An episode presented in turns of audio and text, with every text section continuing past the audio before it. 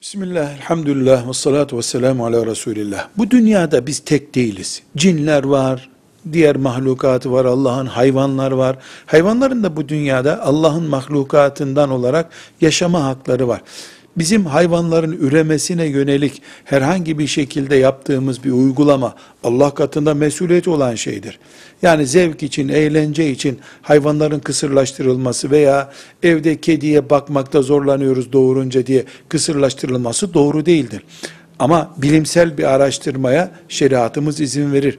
Aynı şekilde mesela bir inek çiftliğinde bir kısırlaştırma yöntemi söz konusu olabilir. Yani bu daha ticari olması gibi bir nedendir. Bir eğlence ve fuzuli bir çalışma değildir.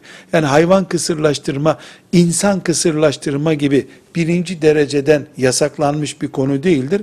Neticede hayvanları Allahu Teala e, bizim kullanmamız için, istifade etmemiz için yaratmıştır. Eğlenceye ve e, keyfi bir uygulamaya sö- e, sebep olmadığı sürece hayvanların kısırlaştırılması ulemamız tarafından caiz görülmüştür. Velhamdülillahi Rabbil Alemin.